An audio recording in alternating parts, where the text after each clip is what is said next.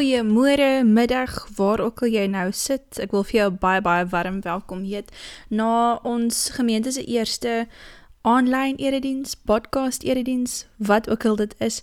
Baie baie welkom dat jy hierby kan inskakel. Soos julle weet, lyk die wêreld alweer baie vreemd en daar's nuwe regulasies ingestel wat ons keer om bymekaar te kan kom in persoon. En ja, dis moeilik, dis nie lekker nie. Ons verlang na mekaar se gesigte, ons verlang na mekaar se teenwoordigheid, maar ek wil graag deur hierdie middel uitreik na elkeen van julle toe wat nou luister en graag vir julle nooi en sê maar as julle bietjie verder met my wil gesels, julle is so so welkom. My telefoonnommer is oral beskikbaar. Stuur 'n ou WhatsAppie, 'n meme, wat ook al jy wil. Vir vandag se e erediens. um, vir vandag se erediens, al wat jy gaan nodig kry is julle Bybel as jy graag saam wil lees en nie net na my wil luister nie. Um 'n kaars of 'n klompie kaarse, maar een is genoeg saam met iets om hom mee aan te steek, sowel as 'n pen en papier as jy lus het om te skryf. As daar enige kindertjies is wat nou op die oomblik luister, julle is ook welkom om te teken, te verf, um iets met klei te doen, papiere te vou of sommer met jou lyf uit te beeld die antwoorde aan die vrae wat ek later vir julle gaan vra. Maar voordat ons nou begin, kom ons raak eers saam stil.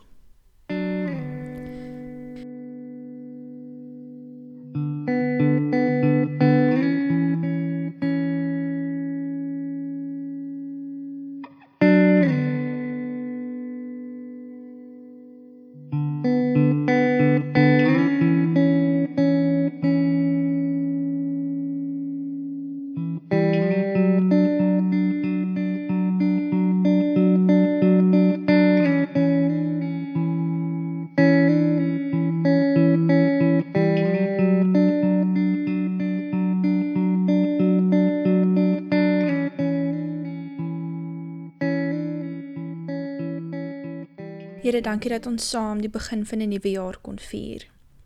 Here, dankie dat ons as gesinne bymekaar kon gewees het en saam aan mekaar kon gedink het, saam die fees gevier het. Here, ons weet dat 2021 vol belofte lê, vol moontlikhede, vol hoop. Here, ons vra dit asseblief konstant ons sal herinner van hierdie hoop al voel dinge so bietjie snaaks en al is dit nie soos wat ons graag gehoop het dit sou wees nie. Here seën asseblief elkeen wat hier so saam is, net waar ons is. Ons weet ons kom nog steeds saam as geloofsgemeenskap. Al is dit dan nou oor die internet, weet ons ons kan nog steeds by mekaar wees. Dankie dat U vir ons hierdie tegnologie kon aangebied het om ook te gebruik en dat ons kan weet dat ons nog steeds vir U kan aanbid op hierdie manier. Seën hierdie byeenkoms, Here, en elkeen wat daarna luister. Amen. Ek gaan nou vra om mee te begin dat jy die kersie nader trek wat jy reg gesit het. En ek wil graag vra dat jy dit sal aansteek vir mense wat hulle lewens verloor het aan COVID-19, wat hulle lewens verloor het in 2020, mense vir wie ons nou so verlang.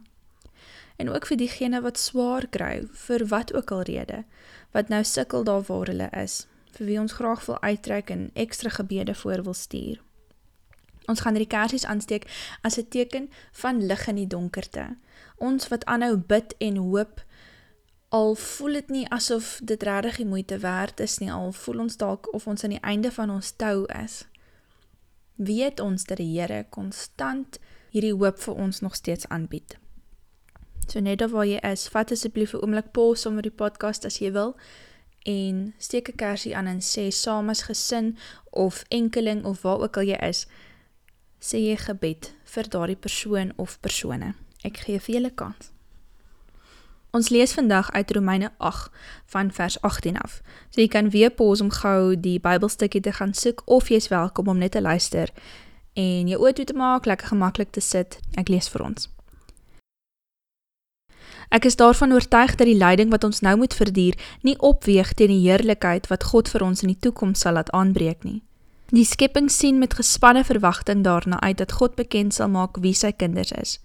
Die skepping is immers nog aan verydeling onderworpe, nie uit eie keuse nie, maar omdat God dit daaraan onderwerp het. Daarby het hy die belofte van hoop gegee. Die skepping sal self ook bevry word van sy verslawing aan die verganklikheid, om so tot die vryheid te kom van die heerlikheid waaraan die kinders van God deel sal hê. Ons weet dat die hele skepping tot nou toe sug in pyne van verwagting. En nie net die skepping nie, maar ook ons wat die Gees ontvang het as die eerste gawe van God. Ons sug ook. Ons sien daarna uit dat God sal bekend maak dat hy ons as sy kinders aangeneem het. Hy sal ons van die verganklikheid bevry. Ons is immers gered en ons het nou hierdie hoop. Wat 'n mens al sien, hoop jy tog nie meer nie. Wie hoop nou op wat hy reeds sien? Maar as ons hoop op wat ons nie sien nie, wag ons daarop met volharding. Die Gees staan ons ook in ons swakheid by. Ons weet nie wat en hoe ons behoort te bid nie, maar die Gees self pleit vir ons met versigtinge wat nie met woorde gesê word nie. En God, wat die harte deurgrond, weet wat die bedoeling van die Gees is, want hy pleit volgens die wil van God vir die gelowiges. Ons weet dat God alles ten goede laat meewerk vir die wat hom lief het, die wat volgens sy besluit geroep is, die wat hy lang tevore verkies het, het hy ook bestem om gelijkvormig te wees aan die beeld van sy seen, so dat sy seen baie broers en sisters kan hee van wie hy die eerste is. Die wat hy daartoe bestem het, het hy ook geroep, en die wat hy geroep het, het hy ook vrygespreek, en die wat hy vrygespreek het, het hy ook verheerlik. Tot so Hierdie teks vertel die verhaal van 'n tyd en 'n plek waar alles en almal swaar gekry het. Die mense in die skepping daarmee. Ons hoef nie lank te gesels oor al die maniere waarop mense op die oomblik swaar kry nie. Hongersnood, werkloosheid, geslagsgebaseerde geweld, verslawing, COVID-19. En die skepping doen nie veel beter nie. Droogte, aardverwarming, uitwissing van ekosisteme, misbruik, oorgebruik, besoedeling. Ons het pas die begin van 'n nuwe jaar gevier miskien bykie meer die einde van die vorige jaar. En alhoewel die dorp tjoep stil was, was ons gesamentlike sig oorverdovend. Ons het gesig omdat ons moeg en miskien bykie moedeloos is. Ons het gesig omdat ons verlig is dat 2020 voorbij is. Ons het gesig omdat 2021 nog voorlee. En het lee miskien soos een berg voor jou. Die aarde het ook gesig. Nog een aand het aangebreek. Een sig van ris.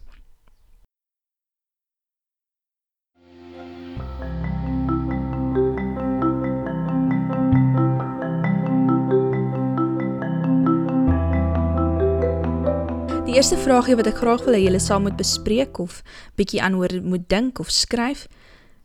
Wat het jou laat sug in 2020?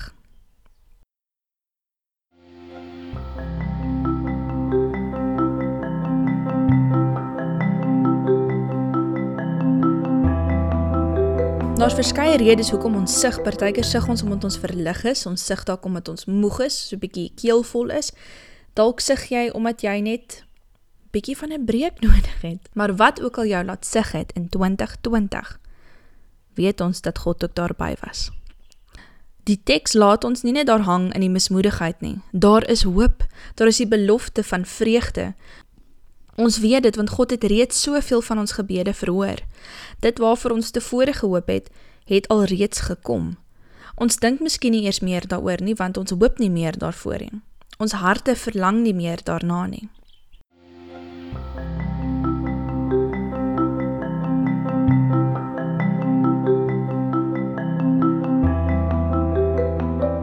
Volgende vraagie wat julle saam kan bespreek of kan uitbeeld. Waarvoor hoop jy in 2021? Waarna verlang jou hart? Deel met mekaar of skryf dit neer.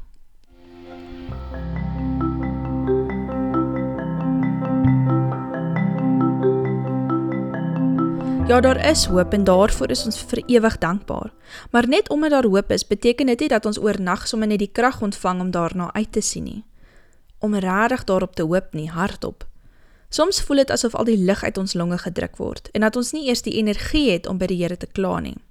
Denk jou in, nie genoeg energie om eers te kla nie. En dit is dan wanneer die mooiste gedeelte van die tekst kom.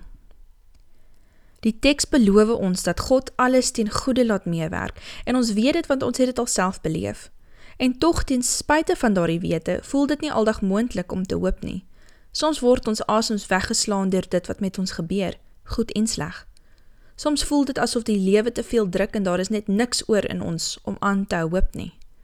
God weet dit. God stuur sy gees in daardie oomblikke juis omdat hy vir ons sê dat hy ons nie alleen laat nie. Maar die Gees is nie net daar om ons te troos nie.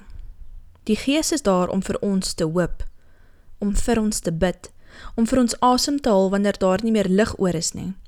Die Gees is selfs daar om vir ons te sug. En dit alles aan die voete van die Here. Hoe wonderlik is die wete dat wanneer jy op jou heel laagste en minste is, dat die Gees van die Here daar is om selfs vir jou asem te haal, om jou in die lewe te hou wanneer jy nie meer weet wat er kan toe nie. Die Here gee vir ons die woorde, die uitweg, die oplossings. Hy gee vir ons die baken van lig wat vir ewig daar vir ons staan om vir ons die weg te wys. Jesus sal jou dra. Dit herinner my aan 'n storie wat iemand geskryf het en net soos ons het hierdie persoon gedroom hy lê op die strand. Ek lees graag vir julle. One night I had a dream. As I was walking along the beach with my Lord, across the sky flashed scenes from my life. For each scene I noticed two sets of footprints in the sand, one belonging to me and one to my Lord. After the last scene of my life flashed before me, I looked back at the footprints in the sand. I noticed that at many times along the path of my life, especially at the very lowest and saddest times, there was only one set of footprints. This really troubled me, so I asked the Lord about it. Lord, you said once I decided to follow you, you'd walk with me all the way. But I noticed that during the saddest and most troublesome times of my life, there was only one set of footprints. I don't understand why, when I needed you the most, you would leave me. He whispered, My precious child, I love you and will never leave you, never ever during your trials and testings.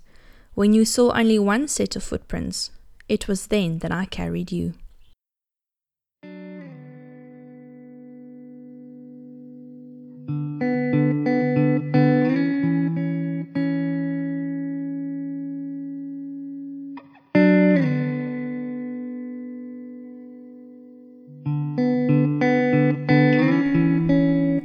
Here ons loof en prys U vir 'n nuwe jaar, nuwe moontlikhede, nuwe uitdagings, miskien 'n paar ou uitdagings.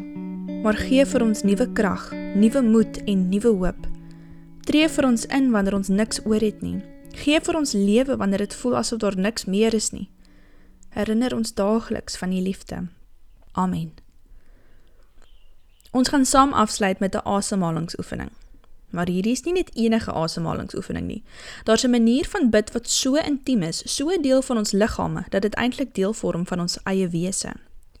Die gedagte is dat elke keer wat ons in en uitasem, dat dit 'n gebed aan die Here is. Dit is 'n manier om hom te aanbid met een van ons mees integrale en basiese ritmes. Soos vir die golwe van die see ingetrek word, so trek ons asem in. En daarna laat ons dit gaan en ons gee dit oor aan die Here. Maak so.